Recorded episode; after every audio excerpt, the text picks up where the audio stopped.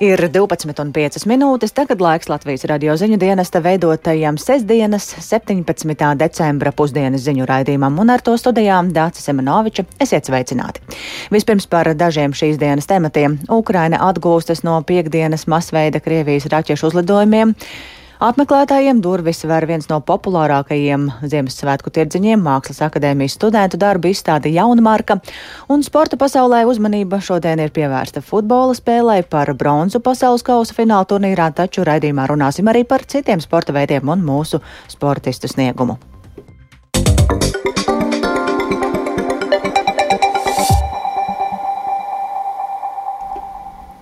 Šodien Odesā un tās tuvumā ir dzirdami sprādzieni, tā vēsta Ukrainas plašsaziņas līdzekļi. Vakar Krievijas karaspēks masveidā apšaudīja gan Kīvu, gan arī citas Ukrainas pilsētas. Tiek ziņots par vismaz trim bojā gājušajiem un ievēr, ievēr, ievērojumiem infrastruktūras bojājumiem. Tomēr Kīvā pēc pārtraukuma ir atjaunota metro darbība un visu jaunāko informāciju ir apkopojis kolēģis Arčuns Konohaus. Ukrainas plašsaziņas līdzekļi vēsta, ka šorīt pretgaisa aizsardzības sistēmai ir izdevies notriekt divas raķetes, kas tika izšautas no Krimas Odesas virzienā. Tā esot skaidrojami divi sprādzieni, kas sestdienas rītā tika dzirdēti šīs pilsētas tuvumā. Savukārt piekdien Ukrainas spēkiem ir izdevies notriekt 60 Krievijas armijas raķetes. Tā savā ikvakara uzrunā sacīja Ukrainas prezidents Volodimirs Zelenskis. Ārkārtas elektrības atslēgšana šodien notika visā valstī, vairumā pilsētu un reģionu. Kīvā un 14 reģionos elektrības atslēgšanas dēļ nebija pieejams ūdens. Mūsu elektriķi un avārijas brigādes ir sākuši darbu vēl gaisa trauksmes laikā un dara visu iespējamo, lai atjaunotu elektrības ražošanu un padevi. Tam ir vajadzīgs laiks, bet tas tiks paveikts. Tomēr daudzi lādiņi ir trāpījuši gan elektrības un apkuras infrastruktūrai, gan arī dažādiem civiliem objektiem. Tostarp Krievijā ir sagrauta trīs stāvu dzīvojamā māja, un vismaz trīs cilvēki ir miruši. Viņu vidū arī pusotru gadu vecs zīdainis. Vietējās amatpersonas ziņo, ka uzbrukumā ievainoti vēl 13 cilvēki. Kijavas mērs Vitālijs Kličko ir paziņojis, ka pilsētas metro sestdienas rītā ir atsācis darbu. Tāpat pusē pilsētas ir atjaunota siltuma padeve. Savukārt elektrība ir pieejama divām trešdaļām pilsētas iedzīvotāju. Tomēr Kličko piebilda, ka elektrības deficīta dēļ tās padeve tiek ik pa laikam atslēgta. Savukārt Krievijas prezidents Vladimirs Putins piekdien ir ticies ar savu aizsardzības ministru Sergeju Šoigu un armijas vadību. Sanāksmē, kas esot ilgusi lielāko dienas daļu, ir piedalījies arī Sergejs Surovīkens. Viņš komandē Krievijas karaspēku Ukrainā. Oficiāli izplatītajos video kadros ir dzirdams, ka Putins aicina sanākušos izteikt viedokli par tuvākā un vidējā termiņa soļiem. Savukārt izdevums Financial Times vēsta par to, kā Krievijas centrālās bankas vadītāja Elvīra Nebijūļina un Sberbanka vadītājs Germans Grefs ir mēģinājuši brīdināt Putinu par ekonomiskām sekām no Doņetskas un Luhanskas pašpasludināto republiku pievienošanas Krievijai. Par gaidāmo karu viņi toreiz vēl neesot zinājuši. Tomēr Putins ir atteicies paklausīt viņu brīdinājumiem par smagām ekonomiskām sekām un sankcijām. Turklāt daļēji Krievijas centrālās bankas vadītājai ir izdevies novērst viņas paredzēto sliktāko scenāriju, kaut gan viņa pati iekšēji daudziem lēmumiem varētu nebūt piekritusi. Arčuns Kanahas Latvijas Rādio Briselē.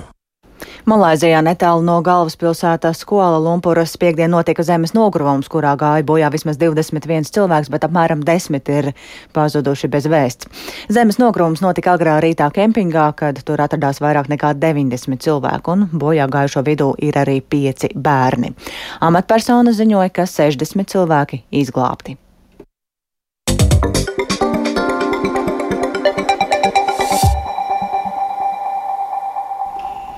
Un šodien apmeklētājiem durvis ver viens no populārākajiem Ziemassvētku tirdziņiem - Mākslas akadēmijas studentu darbu izstādi. Agrāk to sauca par Jārmarku, bet tagad Jaunmarka. Turklāt divus gadus šī tradīcija bija apturēta pandēmijas dēļ. Kā izskatās Jaunmarkā, par to no notikuma vietas ir gatava stāstīt kolēģi Ieva Puķes. Sveika, Ieva! Sveika, Dārsa, sveiki, klausītāji! Tu jau kādu brīdi atrodies Jaunmarkā. Kādi ir tavi vērojumi? Jā, 11. šeit vēra durvis izstāde, pārdošana. Kaut gan vakardien jau bija bijusi atklāšana, kur arī daži darbi jau bija pārdoti. Tomēr mm, pircējiem uh, ir um, tieši šobrīd ir tas brīdis, kad uh, var sākt nākt meklēt pērles un pateikties varbūt priekšā citiem. Un tas arī bija redzams jau, jau 11. kad sākās um, tirdziņš. Bija cilvēku plūsma burtiski uz Mākslas akadēmiju. Cilvēki ar bērnu ratiņiem, ar suņiem, suņiem draudzīgs pasākums un ļoti skaists var nākt arī kā uz izstādi, pārstāvēti dažādi žanri, glezniecība, grafika, rotas, keramika, tekstils, kā katru gadu. Jā, un uh, starp citu, uh, viņi ir šogad izdomājuši tādu interesantu lietu, kā pie izstādes ieejas, tirdziņa ieejas. Uh, Linda Līna veido savu tādu favorītu uh, ekspozīciju ar, ar viņas uh, uh, izvēlētiem darbiem, kas būs tāda kā, kā uh, jaunmarkas vizītkarte. Jā, nu tad eh, noprotams, ka interese ir un droši vien tā nerims arī turpmākajās dienās. Eh, saki, Ieva, vai jaunmarka pēc šīs piespiedu dīkstāvis ir kaut kādā veidā mainījusies? Uh, mainījusies nav. Uh, bet es parunāju ar organizatoriem, uh, studentu paši, pašpārvalde to rīko. Tātad tas nav tāds pasākums, komerciāls pasākums, uh, kur ir kādā apakšā kāds kāds, kāds uzņēmums, bet tas tiešām ir tīri pašu studentu rīkots. Un, šai, protams, šajos divos gados, kad nenotika um, tirdziņš, ir mainījusies gan pašpārvalde, gan arī pašpārvalde īstenībā ir ievēlēta tikai oktobrī. Tā kā pašpārvaldes vadītāja Agnese Apina, viņa teica, tikko beidzās darbus Katras mākslas akadēmijā, viņai pirmo reizi mūžā bija jāķerās pie, pie šāda tirdziņa organizēšanas. Un viņa uh, ir trešā kursa studente. Uh, tātad uh, iepriekšējo, iepriekšējās izstādes viņa īsti nav pie, uh, nu, pieredzējusi, ne arī organizējusi, tikai nu, nākusi kā, kā skatītāja, un viņai tas viss ir bijis jauns. Um, bet uh, nu, tā pati būtība jau nemainās.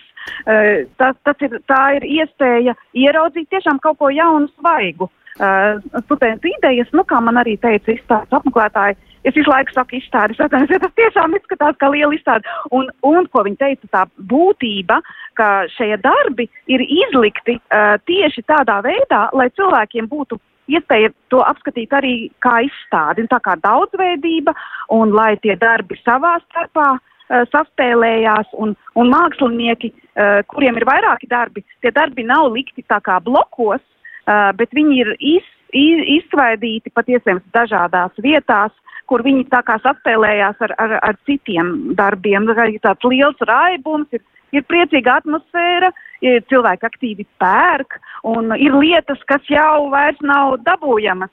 Uh, tagad nepilnu stundu. Jā, varbūt, ka darbu pašu arī ir divreiz vairāk gal galā šie divi pandēmijas gadi, vai, vai tā, tā gluži nav? Nē, nu tā telpa, tā ir Mākslas akadēmijas uh, aula, uh, otrajā stāvā. Viņa ir tik liela, cik ir. Un tik līdz parādās baltie plankumi, uh, kaut kas ir nopirkts, tā tajā vietā liek atkal citus darbus.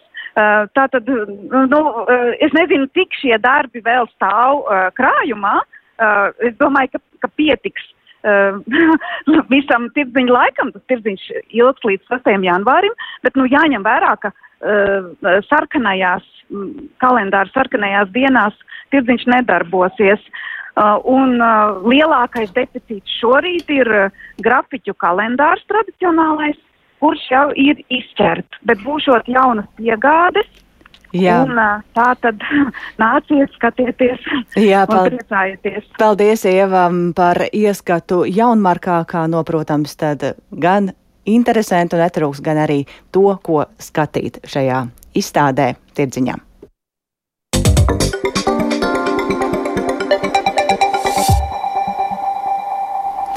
Un turpmākajās minūtēs par sportu. Nedēļas nogalē visas pasaules sporta uzmanība pievērsta pasaules kausam futbolā, taču arī Latvijas sportisti piedalīsies dažādos citos turnīros, un par sportu vairāk zina stāstīt kolēģis Lotārs Zariņš. Sveiks, Lotār!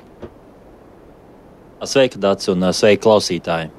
Jā, nu tad vispirms par sportu. Cik nozīmīga spēle būs par trešo vietu, par futbolu tātad, cik nozīmīga spēle būs par trešo vietu pasaules kausā? Jā, no abām izlasēm tā būs svarīga spēle, uh, zaudējuma garša pusfinālā ir norīt, un uh, tagad cīņa par bronzas medaļām. Tātad Maroka piecos vakarā pēc Latvijas laika spēkosies ar Horvātijas izlasi.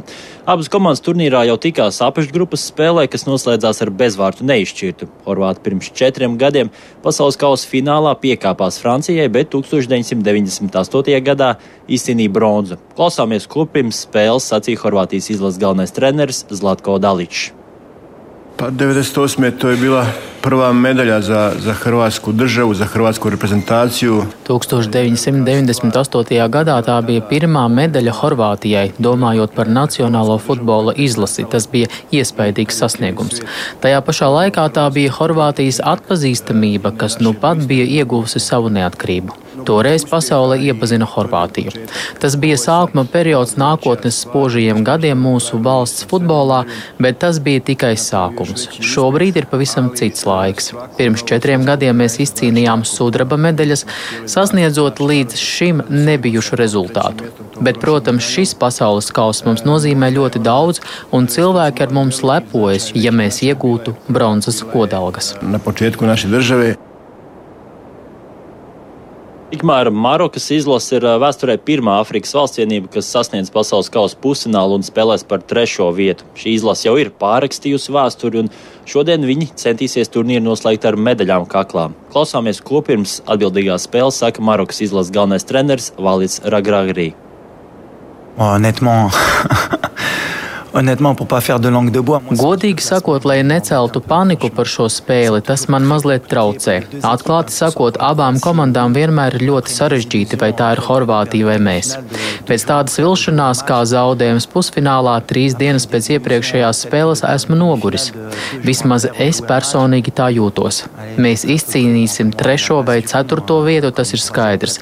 Mēs izspiedīsim maksimumu šajā turnīrā, un arī šodien visi spēlētāji ir gatavi pēc iespējas labāk nospēlēt līdz galam.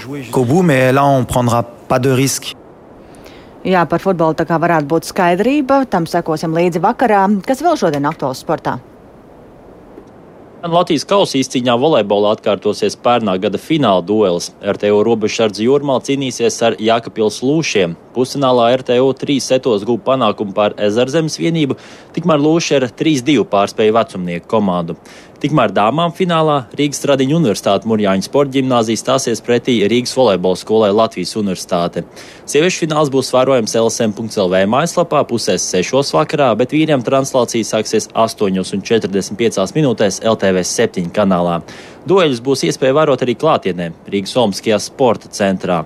Un arī Latvijas hokeja izlase, runājot par vakardienu pret Norvēģiju, sāka pārbaudas turnīru Slovākijā. Latvijas hokejas trīs reizes spēles gaitā nespēja noturēties vadībā, bet pagarinājumā ar 4 pret 3 pieveic Norvēģijas hokeistus. Vārds Latvijas izlases labā go Patriks Zabusovs, Patriks Ozols, Roberts Bukārts un papildu laikā precīzi bija Uvis Balīnskis. Šodien, pulksten divos dienā, Latvija spēkosies ar Slovākijas izlasi.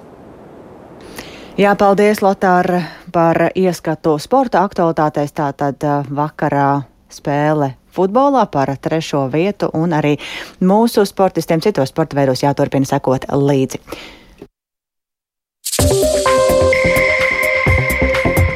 Taču ar to izskan ziņu dienesta veidotā programma Pusdiena producents Viktors Pupiks, ierakstus montēja Uldis Grīnbergs, par labskaņu rūpējās Rīta Kārnača un ar jums sarunājās Dācis Simenoviča. Vēl īsi par svarīgāko.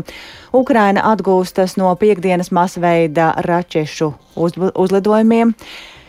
Apmeklētājiem durvis var viens no populārākajiem Ziemassvētku tirdziņiem Mākslas akadēmijas studentu darbu izstāde Jaunmarka un sporta pasaulē pievērsta uzmanība futbola spēlē par bronzu pasaules kausa fināla turnīrā. Mūsu ziņām var sekot līdzi arī Latvijas radio viens Facebook lapā, arī sabiedrisko mediju ziņu portālā LSMLV, tāpat arī raidījuma atkārtojums ir meklējams raidierakstu platformā kā dienas ziņas.